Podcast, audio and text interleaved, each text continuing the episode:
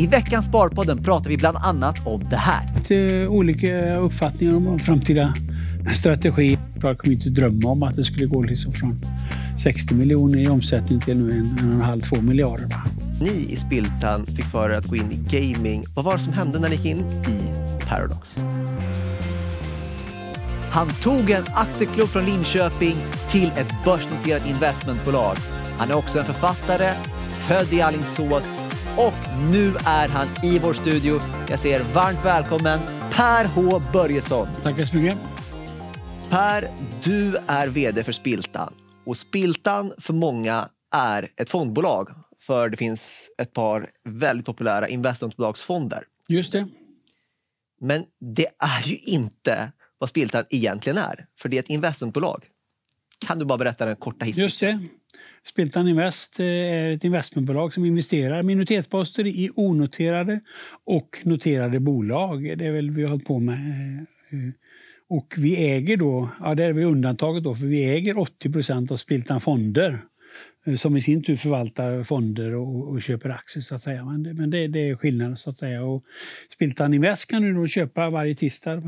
En GM Pep Market kan man köpa aktier precis som Investor eller Industrivärden. så att säga. Men, och vore det korrekt att säga att du gillar verkligen investmentbolag?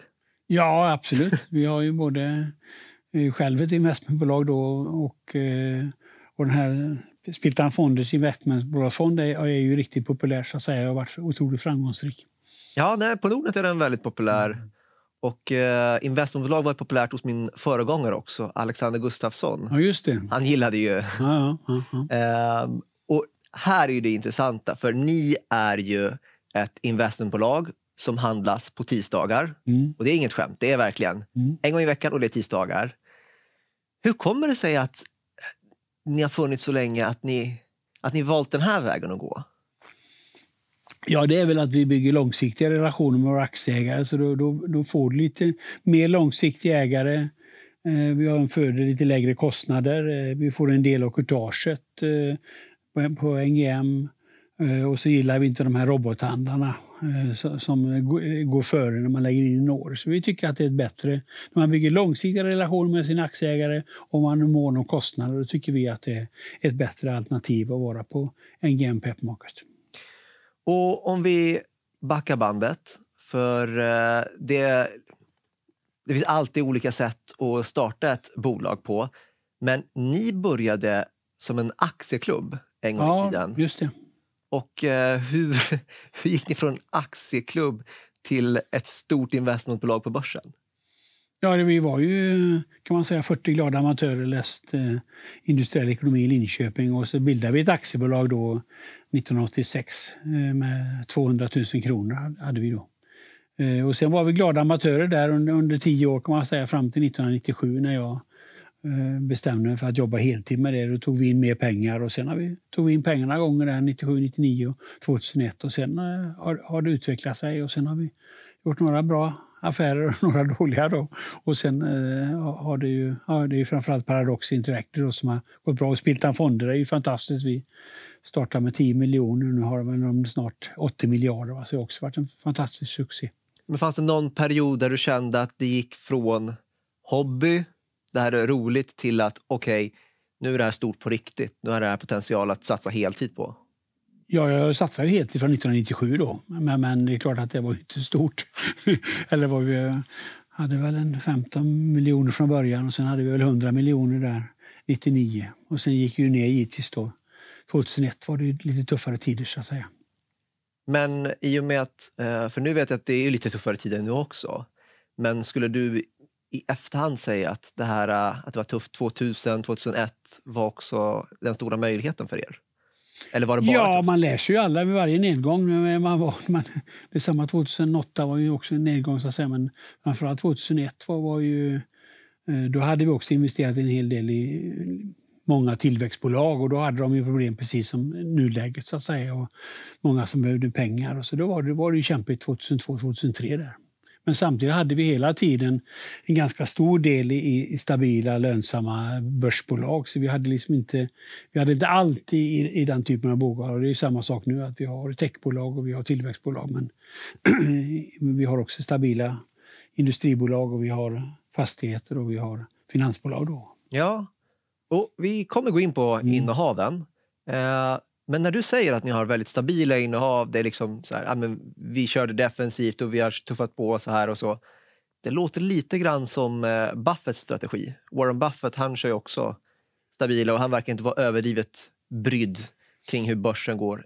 Känner du likadant där? Ja, vi har ju liksom skrivit bok om honom och liksom våran, våran förebild kan man säga. Och, och eh, sen har vi, jag brukar skämta och säga att vi har lite sämre karaktär då, så vi, vi, vi man lockas ju ändå av ja, typ Spiltan Fonder, man startar bolag och, och vad är det för potential? Och sen tar det längre tid, det kostar mer pengar. Men, men vi fick stoppa in pengar tre, fyra gånger från 2002 till 2009, 2010 innan det blir take-off. Men, då, klart att, men vi gjorde två andra bolag inom finanssektorn som vi har fått lägga ner. Va? Så det är ju, eh, kan bli en fantastisk succé, men man kan också man gör misstag. Och då, klart, då är det ju alternativet att satsa på mer stabila, lönsamma bolag, ja, då har du kanske mindre potential men det är mycket mindre risk. Då. Så vi, vi gör både och. Och nu när du ändå har varit med i gamet länge, så när du märker av att det sentimentet går ner på börsen som det är just nu, är du obrydd? Eller blir du också nervös? Eller hur tänker du då? Nej, jag tycker ju alla... Eh, det är Buffett, eh, Buffetts kompanjon Munger, han säger att om man inte kan klara en 50% nedgång på börsen så ska man inte vara där. så att säga. Och då, även, även Berkshire Hathaway har gått ner tre, mer än 50% tre gånger sedan 1965. Så det, det, måste man räkna med. Att liksom det, och i, i, I dagsläget har vi gått från eh, substanspremien på 35 procent. Idag är det en, en, rabatt på 20 procent bara på liksom tio månader. Så det visar ju hur liksom det här manodepressiva börsen och jag bryr mig inte om, om det. Utan jag, jag till och med köpte mer aktier här i förra veckan för att jag tycker att det är, är, är för lågt. Då. Men, men, nej, så att jag, och vi, vi har ju, vad vi har gjort i Spiltan är att vi har ju minskat om vi hade kassa 6-7 procent här i början på året så har vi kassa 1 procent. Så vi har ju köpt mer framförallt börsaktier och några onoterade bolag under hela året. Då, så att vi har eh, är våran. Så jag tycker att det är ett köpläge nu helt enkelt. Och sen vet man ju inte, det är ingen som vet om det kommer det gå ner 30% till eller kommer det vända imorgon. Så det är ju, men, men absolut att det är ett köpläge när, när det finns många fina bolag som har gått ner 50 och, och har låga multiplar. Det är klart man ska köpa aktier, framförallt inte sälja i panik och så ska man fortsätta månadsspara. Det är ju rekommendationen då när man håller på med det. Och när du säger att ni har eh, minskat kassan, köpt på er lite grann, eh, om börsen faller ner mer, hur mycket utrymme har ni kvar att belåna er mer för att köpa mer? Eller, eh, hur, hur tänker du där? Ja, vi har ju en, enligt våra finanspolicy har vi möjlighet att belåna kanske 5-10 procent. Men det är frågan hur vågar vi det så att säga. För det är liksom, det är problemet med lån. Det går snabbare uppåt men det går snabbare neråt också. Så att det finns ett antal exempel på de som har liksom belånat sig till 10 procent och så sjunker kursen 90 procent så har du förlorat alla dina pengar. Så vi är ju försiktiga men Eh, vi, vi, eh, kan belåna oss. Det får vi väl göra en avvägning då. Men, eh, och I dagsläget har vi väl, kan man göra omplacering också. Men om man nu ser att det finns typ något onoterat bolag som är jättelågt värderat, ja, då kanske vi säljer något av våra, ja, typ något bolag som, som är likvitt och, och, och, gör det. Men det finns en möjlighet att eh, belåna lite igen. Och bland era innehav där lån eh, pratas väldigt mycket om är ju fastigheter. Ja. Cirka 10% fastigheter. Ja. Mm. Och där så pratar man om att den här räntan som stiger, kostnaden på lån, kan påverka fastighetspriserna. Man kan inte betala helt enkelt tidigare priserna. Hur ser du på det? Är du orolig för en nedgång i era fastigheter? Ja, nu har ju, vi har ju ett, vi är största ägaren i Klara Bo då, som är noterat bolag. Så det gick ju från vi trodde kursen skulle gå upp till 38, 39. Den gick upp till 50 kronor från 35 och då var substansen 32. Och idag är då den, substansen 35 och kursen är väl så 17. Då, då, så det går ner under hela året. Och det är klart att eh, då, då tror ju marknaden att, att eh, om, om, om, nu har vi kanske ganska kort bindningstid på två år i sne, eller vi bundet på då kanske 2 ränta. Liksom, om, om, om då räntan är 4% om tre fyra år fortfar fortfarande, ja, då försvinner kanske all, halva vinsten. Och det är det börsen tror varför man värderar ner alla fastighetsbolag. Va? Men jag är nog ganska optimistisk och tror att, att det här inte är så långvarigt. Man har en tendens att vara lite för deppig nu om man var för optimistisk i, i, under förra året framförallt så tror jag att man är deppig och det kommer liksom det här med inflation och liksom när folk börjar spara på sin el och man, man köper mindre grejer och man eh, drar på alla byggstarter eh, så, så, får det effekt. Va? Och, och, då tror jag att, att jag, jag, det är nog min bedömning trots allt att eh, förhoppningsvis att det är ganska kortvarigt. Men det tror inte börsen i och med att man har värderat ner fastighetsbolagen så otroligt mycket. Och om du skulle ha fel, vad, alltså så att priserna skulle gå ner, vad skulle du göra då? Skulle du eh, Nej, men vi är ju långsiktiga i Klara Bo. Liksom det, I själva bolaget har det inte hänt något. Vi har inga vakanser. Vi renoverar gamla eh, våra bostäder och får avkastning på det. Så det har inte hänt något i bolaget. Det är ju samma, samma hyror. Och sen är det frågan hur mycket man, hyrorna kommer att gå upp när elpriser och annat, eh, hur mycket man kan, när man förhandlar med Hyresgästföreningen. Det var ju faktiskt i, i, eh, aktuellt här i någon dag att det, nu vill de höja 10 och, och fastighets, eh, hyresgästerna säger det är omöjligt. Fast det är ju, eh, Eh, så man kommer att kunna höja hyrorna men det är inte på så sätt att det indexregleras på den kommersiella sidan. Så att, eh, och det är ju, fortfarande finns det ju bra marginaler men det är klart att vinsten kan ju gå ner om, om det här fortsätter, om, om de här höga räntorna fortsätter. Men jag är inte så att jag är nervös för det. Att det skulle se på liksom att vi ska ha 4-5% ränta i, i 7-8 år. Det, det, det scenariot tror jag inte på. Nej, eh, och om man kikar på den andra vågskålen, vad som kan hända med en högre ränta. Det är att ja, kostnaden för att låna är ju högre. Pengar är inte gratis längre, även det kanske aldrig var gratis på det sättet. Men du förstår vad jag menar. Mm. Det var väldigt låg eh, ett bra tag.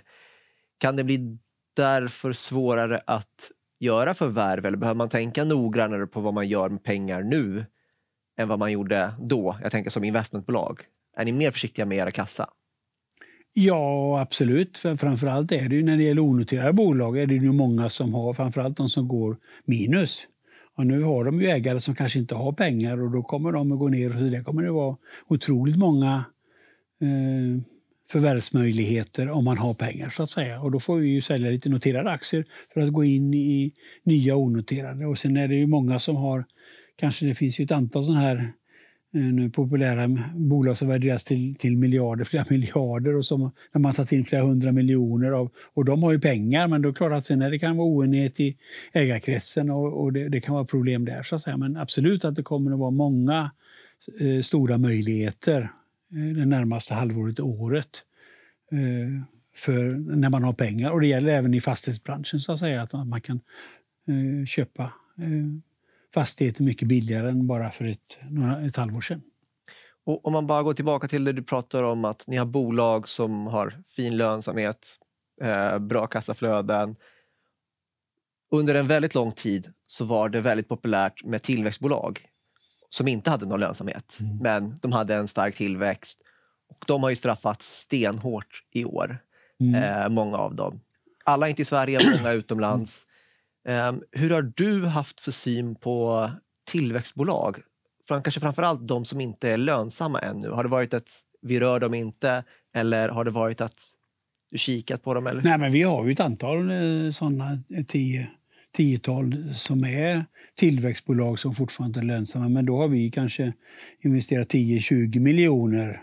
Och då om det behövs mer pengar då kanske man ska satsa 10-20 miljoner till tillsammans med andra ägare. Så att vi har ju ganska begränsad del av portföljen. Och det är klart man lockas ju av det här bolaget precis som nu Spiltan Fonder har vi investerat 7 miljoner och nu är det värt 700 miljoner. Klart att man lockas ju av, det, av de möjligheterna och det är därför man vill investera i, i tillväxtbolag. Men samtidigt tar man ju risk att det tar längre tid, kostar mer pengar eh, eller att man får lägga ner det och gjort några sådana. Men det gäller ju att ha en begränsad del av sin portfölj i den typen av bolag. Och bara för att förtydliga för tittarna, när du, säger 10 till 20 miljoner, då är det en liten summa? Ja, i, våran, i, relation till våran då, 7 miljarder. Liksom det, det, då, då, och, och, det är ju våran lycka om vi ska gå tillbaka med till Paradox. Då. Det, var ju, det var ett lönsamt bolag, men eh, när vi investerade i det 2010 då tog vi ju 10 procent av substansen i... Man kan, det var tillväxtbolag. Och, det, och de riskerna tar vi inte i dagsläget. Det skulle vi inte göra, men, men det, det är så när man har mer pengar och har man råd att ta mindre risker. Då. Men det, den risken blev ju ett lyckokast. Absolut. Och eftersom vi ändå kommer tillbaka till den så många gånger så är det ju, den är ju elefanten i rummet. Det är ett stora innehav. Och ändå kan jag inte låta bli att bli förundrad över hur det gick till när ni i Spiltan fick för er att gå in i gaming och ett speciellt bolag. Vad var det som hände när ni gick in i Paradox? Nej, det var ju, eh, det var ju vår investment manager Håkan Sjunnesson som skapade relation med dem. Och vi skrev några brev och fick kontakt med dem. Och så dök det här tillfället upp då att de, det var någon leverantör som inte betalade så att de behövde pengar och då, och då kunde vi köpa in oss. Så att säga. Och sen var det klart att eh, styrelsen då, liksom, vi är inte sådär några spelfantaster, kan vi bedöma det här så att säga. Men det var, var det väl våran eh, småländske, han sa ja det här verkar, verkar vara en duktig kille, Fredrik Wester och, och, och, eh, om vi ska hålla på med den här branschen så, så är det, eh, verkar vara ett bolag och de hade ju den här spelen man spelar länge. Och sen såg vi lite grann den här, den här trenden då 2010 man sålde en hel del boxar fysiskt så att säga. Och nu med digitala nedladdningar så kan man ju ladda ner de här spelen om man finner sig i Brasilien, eller Sydkorea eller var som helst. Va? Och det, och, eller USA. Och det var den möjligheten såg vi lite grann. Va? Och sen klart, klart kan vi inte drömma om att det skulle gå liksom från 60 miljoner i omsättning till nu en, en och en halv, två miljarder. Va? Så det, det är ju en helt fantastisk resa givetvis. Jag som ändå har växt upp med att spela de spelen, mm. det kan jag väl erkänna, Eh, alldeles för lång tid har jag spelat dem. Men jag blev förvånad över hur dålig koll finansvärlden hade när de listades. Det är liksom någon som sa att jag skulle inte köpa det bolaget över P16. Och då tänkte jag att men, då har man inte så koll. Och därför blir jag ju ännu mer förundrad hur det var att ni hade så bra koll på dem. Men då var det där Håkan Sjunnesson som du pratade om. Ja, det var ju, vi ser, det var väl eh Säg att det var P15, va? Ja. Eh, någonting sånt där när vi gick in. Va? Första gången när ni gick in? Ja, just det. Och sen börslistades den?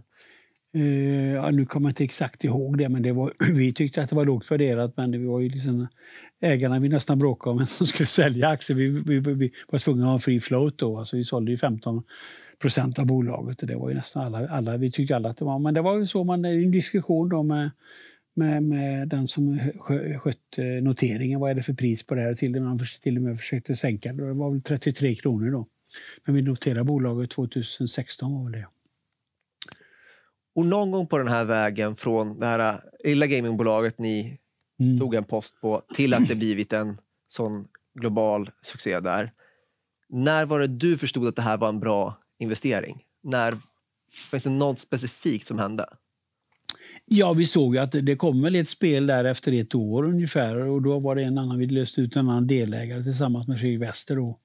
Och, och sen kommer ytterligare något spel där vi såg att det här är, när de gick, det har ju gått lite i kurvor sådär, va? att det kändes som att det här är en stor succé och då hade vi ju problemet hur skulle vi värdera det här? För vi har ändå handlat Spiltan-aktien så det, vad ska vi sätta för värde på det? Så vi hade till och med att det var så svårt så vi hade intervall. För då fick vi sätta intervall på alla bolag för vi ville ändå indikera att det här kan vara värt mycket mer. Så det var ju ett problem vi hade innan, innan noteringen. Då.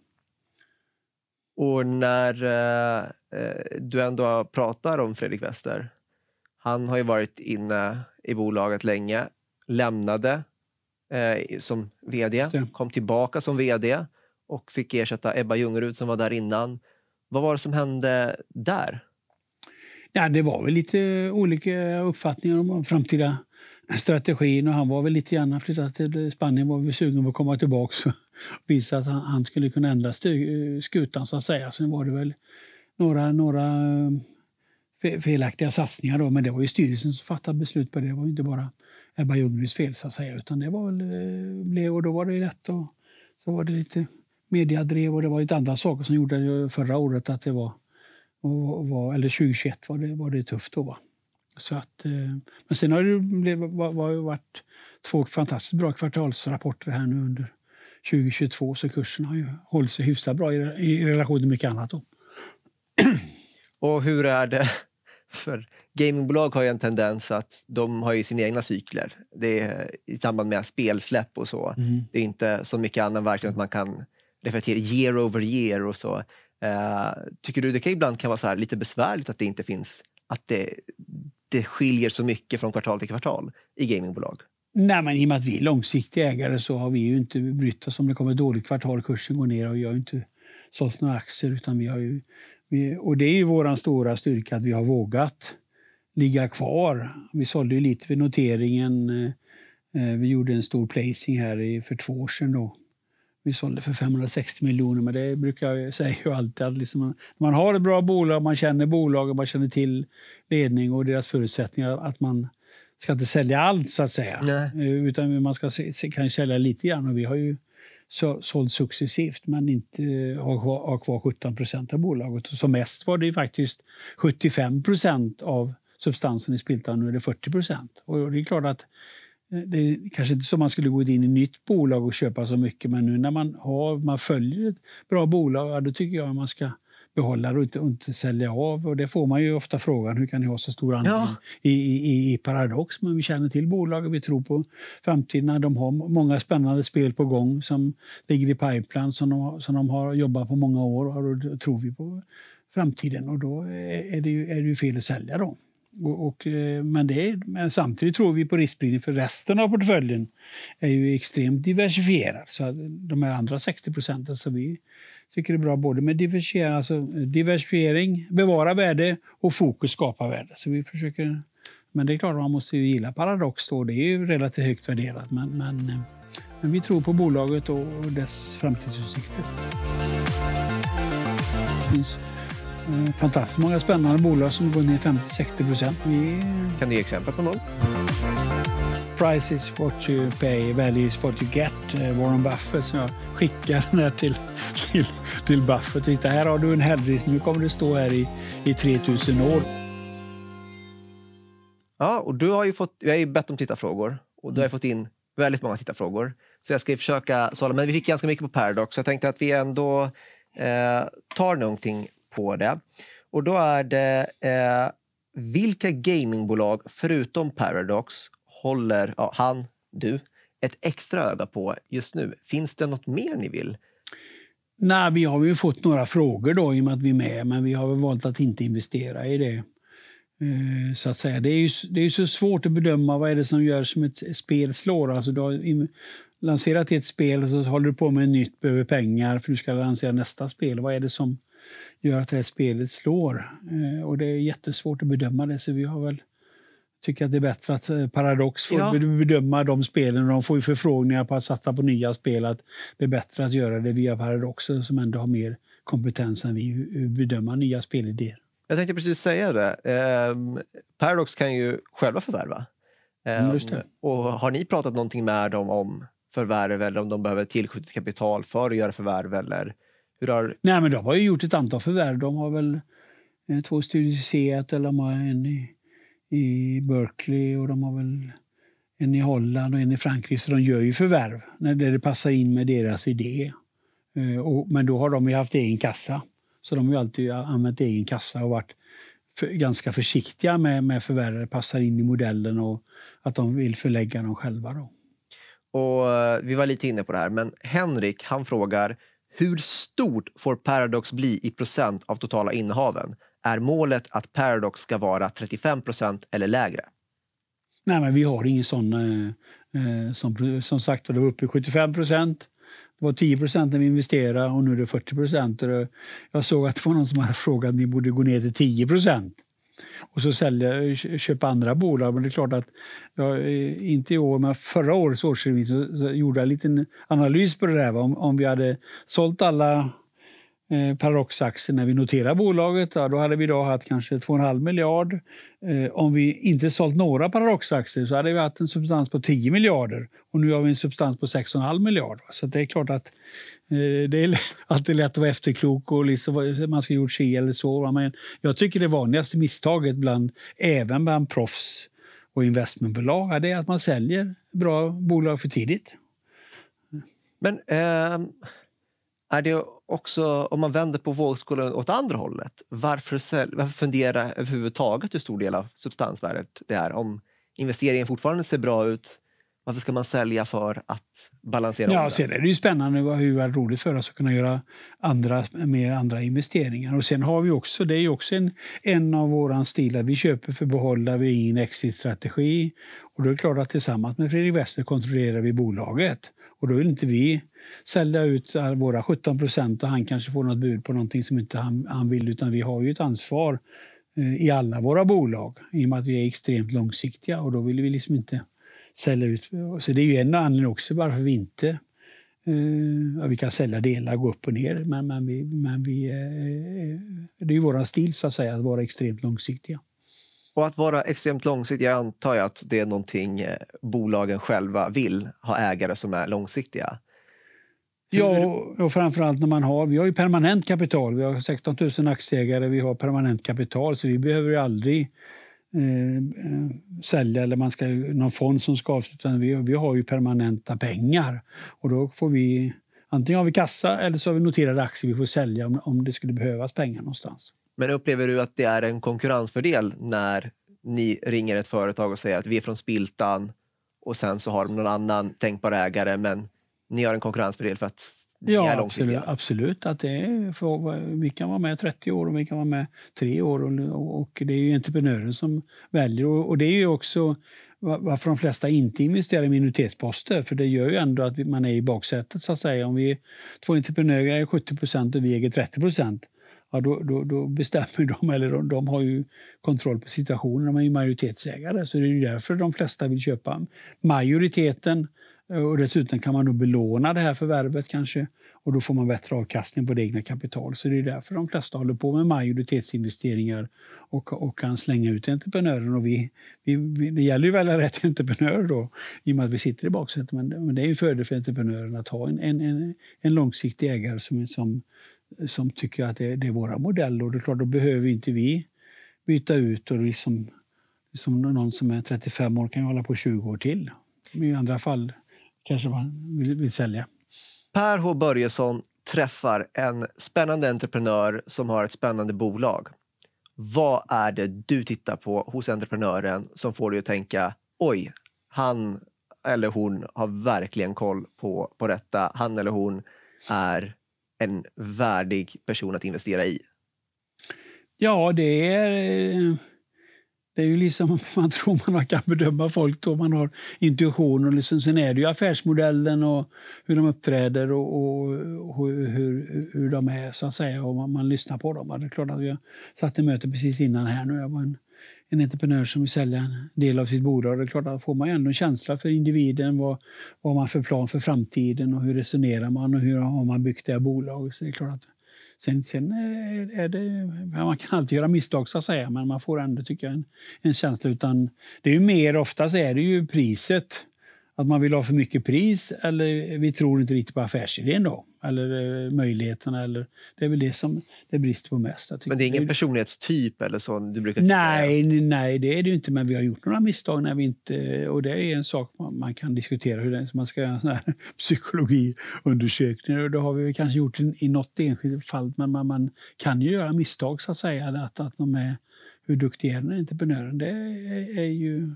Och då är då kan det bli fel, så att säga. Men berätta lite mer. Du, du pratar, ibland blir det misstag, man, ni har missbedömt kanske någon gång. Ja, det är det? ofta entreprenören. Att, att, antingen att affärsidén inte håller, att, att de är... Och att man, vi lägger ju inte...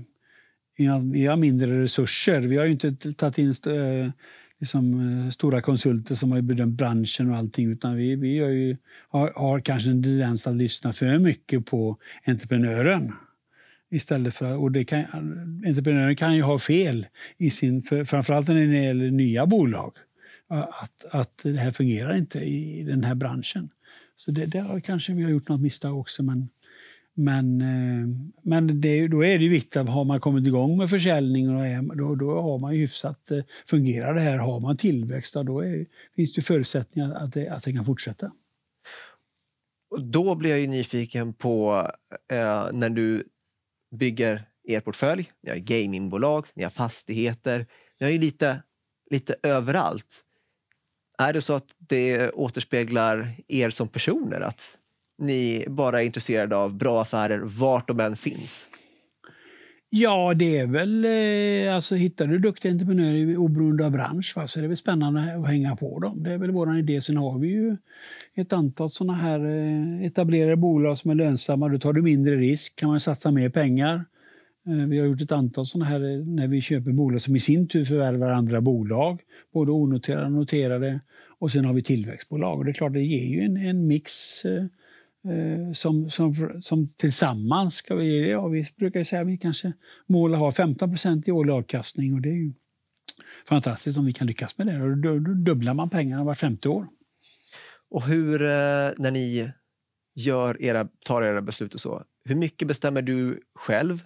Hur mycket bestämmer ni tillsammans? Hur, mycket, eh, hur är uppdelningen hos er när det handlar om att gå in i ett nytt bolag? Ja, då har vi ju en, en investeringskommitté. Vi har fyra investment managers. Vi träffas nästan varje vecka tillsammans med CFO och, och, går igenom bolagen. Och så får vi då någon, det ska ju vara någon som brinner för det. Vi har träffat. Ska vi gå vidare med det här? Eh, är det rätt pris? Är det rätt entreprenör? och då om vi har någon som, som brinner, nu vill jag vara med och satsa på det här och jag, jag tror på bolaget, någon av investment manager, då går vi vidare och tittar vidare. Så gäller det att förhandla pris och om vi tror på det här och sen eh, om den här investeringskommittén tycker att det här verkar vara vettigt och att, att priset är rätt och så vidare, ja, då går det vidare till Spiltans styrelse då, som, har, som avgör det här. Då. Och det har aldrig varit så att ni har hamnat i konflikt om någon, något innehav eller eh, där du känt att du verkligen gillar det här tilltänkta innehavet men du får inte medhåll? Eller, har det varit så? Ja, något fall har vi väl, eh, har vi vd, kanske, eller någon investment manager. Men det är klart om, någon brinner för någonting så har det kanske eh, blivit en investering som inte blivit så bra då. Men det normala är det ju enighet. Och, och, när det går upp till styrelsen då är det normalt att de ställer extra frågor. Och har ni tänkt på det här? Och ska ni inte vrida på priset där? Vi får någon sån fråga. Men, men det är klart att det, och någon gång har det hänt att vi har Eh, att, att man då som tycker att det här ska vi verkligen göra av de här skälen och det kanske inte alla tycker. Så att, men, men i huvudsak är det ju att den här investeringsgruppen är enig och eh, ingen i styrelsen säger att det här är helt fel eller eh, hittar, hittar någonting. Men det har ju hänt att, de, att det har blivit nej även på styrelsenivå. Men normalt är det ju att den här investeringskommittén eh, tacka nej om något. Ja, det här är för dyrt pris, det här är fel pris till exempel. Det är väl det vanligaste. Eller vi tror inte på affärsidén. Den här, det, det kommer aldrig fungera på lång sikt. Och om vi pratar om börsen, eh, där det finns förvärvsmöjligheter fast på den noterade sidan. Mm. Börsen är ner. Eh, den är ner ännu mer om man skulle justera för valutan. För svenska kronan har gått rätt svagt internationellt. Ser du eh, Tycker du att det börjar bli väldigt billigt på börsen med tanke på de här faktorerna? Ja, vi har ju då eh, tyckt hela året. Va? Så vi har ju hela tiden vi har minskat kassan från 7% ungefär till, till 1 procent. Så vi har ju köpt börsaktier och även onoterade bolag hela året. Va? Så det är absolut vad vi tycker det. Och det finns eh, fantastiskt många spännande bolag som går ner 50-60 procent. Så att vi, vi... Kan du ge exempel på någon? Ja, ja förutom spiltarna också går det. Men, men, ja, men du ser eh, Investor har nästan 20% rabatt och du har eh, ett antal eh, bolag där som eh, ja, ja, Klara Boa går ner eh, 50% i år, till som vi är stora ägare i. Så det är några som har klarat sig, men det är många, många som har blivit eh, drabbade så att säga. Och det är klart att då eh, är, är, är du i ett köpläge, sen kan det gå, fortsätta gå ner. Men, men, det, och, men sen är man så påverkad av den här dagliga stämningen och det är krig och det är inflation och det är räntehöjningar och elpriser. Så det, det är otroligt svårt för en gemene man att säga att ja, nu är det köpläge. Så att säga. Men det, det är ju min bedömning att det är. Eh, och sen kan det då givetvis fortsätta några år till. Men jag, jag tror på att, att det här kommer att lösa sig och liksom eh, marknadsekonomin kommer att liksom förändra beteendet på människorna så att vi kommer att uh, kommer att bli bättre tider. Och det, börsen kommer ju alltid tillbaka. Det är bara frågan hur lång, hur lång tid det tar. Men elpriset då, eh, den är ju eh, mycket snack om här och nu. Och den påverkar olika mycket i olika branscher. Nu kanske ni har tung industri eller så, så mycket. Men eh, följdeffekter av det, har, har det oroat dig? Ja, det är tråkigt givetvis för många som blir drabbade, både individer och vissa företag. är det jättetråkigt att det är orättvist med de här med Skåne kontra Norrland och, och det här. Va? Så det är ju jättetråkigt på det sättet, men det är inget som vi, vi känner att vi har, har, har betydelse för oss. Så jag tror ju att eh, jag har inte satt på elvärmen på toaletten eller på badrummet till exempel. Jag och min hustru, även om vi har råd att betala elen. Men man, man liksom, det, det, det sker en, ett, ett förändrat beteende. Och, det, och vi får vindkraft och vi får sol och vi, vi får eh, kanske ny kärnkraft så småningom. Så det är klart att det kommer att lösa sig så småningom. För att det här kommer att ändra eh, alla, både företag och människors beteende. Ja, och du pratade innan om att ni har vissa bolag som förvärvar själva. Ni har ett gamingbolag också. Och vi har även fått en tittarfråga på ett väldigt populärt bolag på börsen. Eh, har ni kikat på till exempel Embracer eh, som också är väldigt framgångsrika på gamingmarknaden här i Sverige? Ja, eh, tack vare eh, Fredrik Wester Wingefors vi fick möjlighet att köpa, köpa lite aktier där vid noteringen. Men vi, vi, där gjorde vi misstag. Vi sålde alldeles för tidigt då kan man säga. Och, och det är en annan typ av bolag då i och med att han har varit så otroligt framgångsrik och köpt andra bolag. Så att eh, det, det, det är en, Eh, Eh, så jag, jag, jag, kan inte det bolaget så noga, men jag bara konstaterar att det är se om man kan hålla ihop alla. Man har så otroligt många förvärv och liksom att köpa, precis som att köpa en reklambyrå, att liksom kommer de här individerna vara kvar och så vidare. Men så här långt verkar det ju gått fantastiskt bra då. Och det har inte varit på tapeten att göra en comeback? Uh, Nej, det är, liksom, det, och det, är, det är lite psykologiskt när du säljer nåt och gör fyra gånger pengarna. Så det är svårt att... Liksom, det, var, var, var det väl ungefär då. Så att det, men vi sålde alldeles för tidigt. Det är ju helt klart. Och psykologiskt är ju något som påverkar eh, alla investerare mm. på ett eller annat sätt. Um, har, finns det någon lärdom du har psykologiskt lärt dig som du kanske gjorde för 20 år sedan som du slutat göra nu för du har lärt dig och fått nya insikter? Finns det någonting där? Nej, men det som vi varit framgångsrika är att ligga kvar och, och vara långsiktiga och inte sälja eh, bra bolag eller våra onoterade bolag. Jag tycker det är den viktigaste, att kunna vara långsiktig så att säga.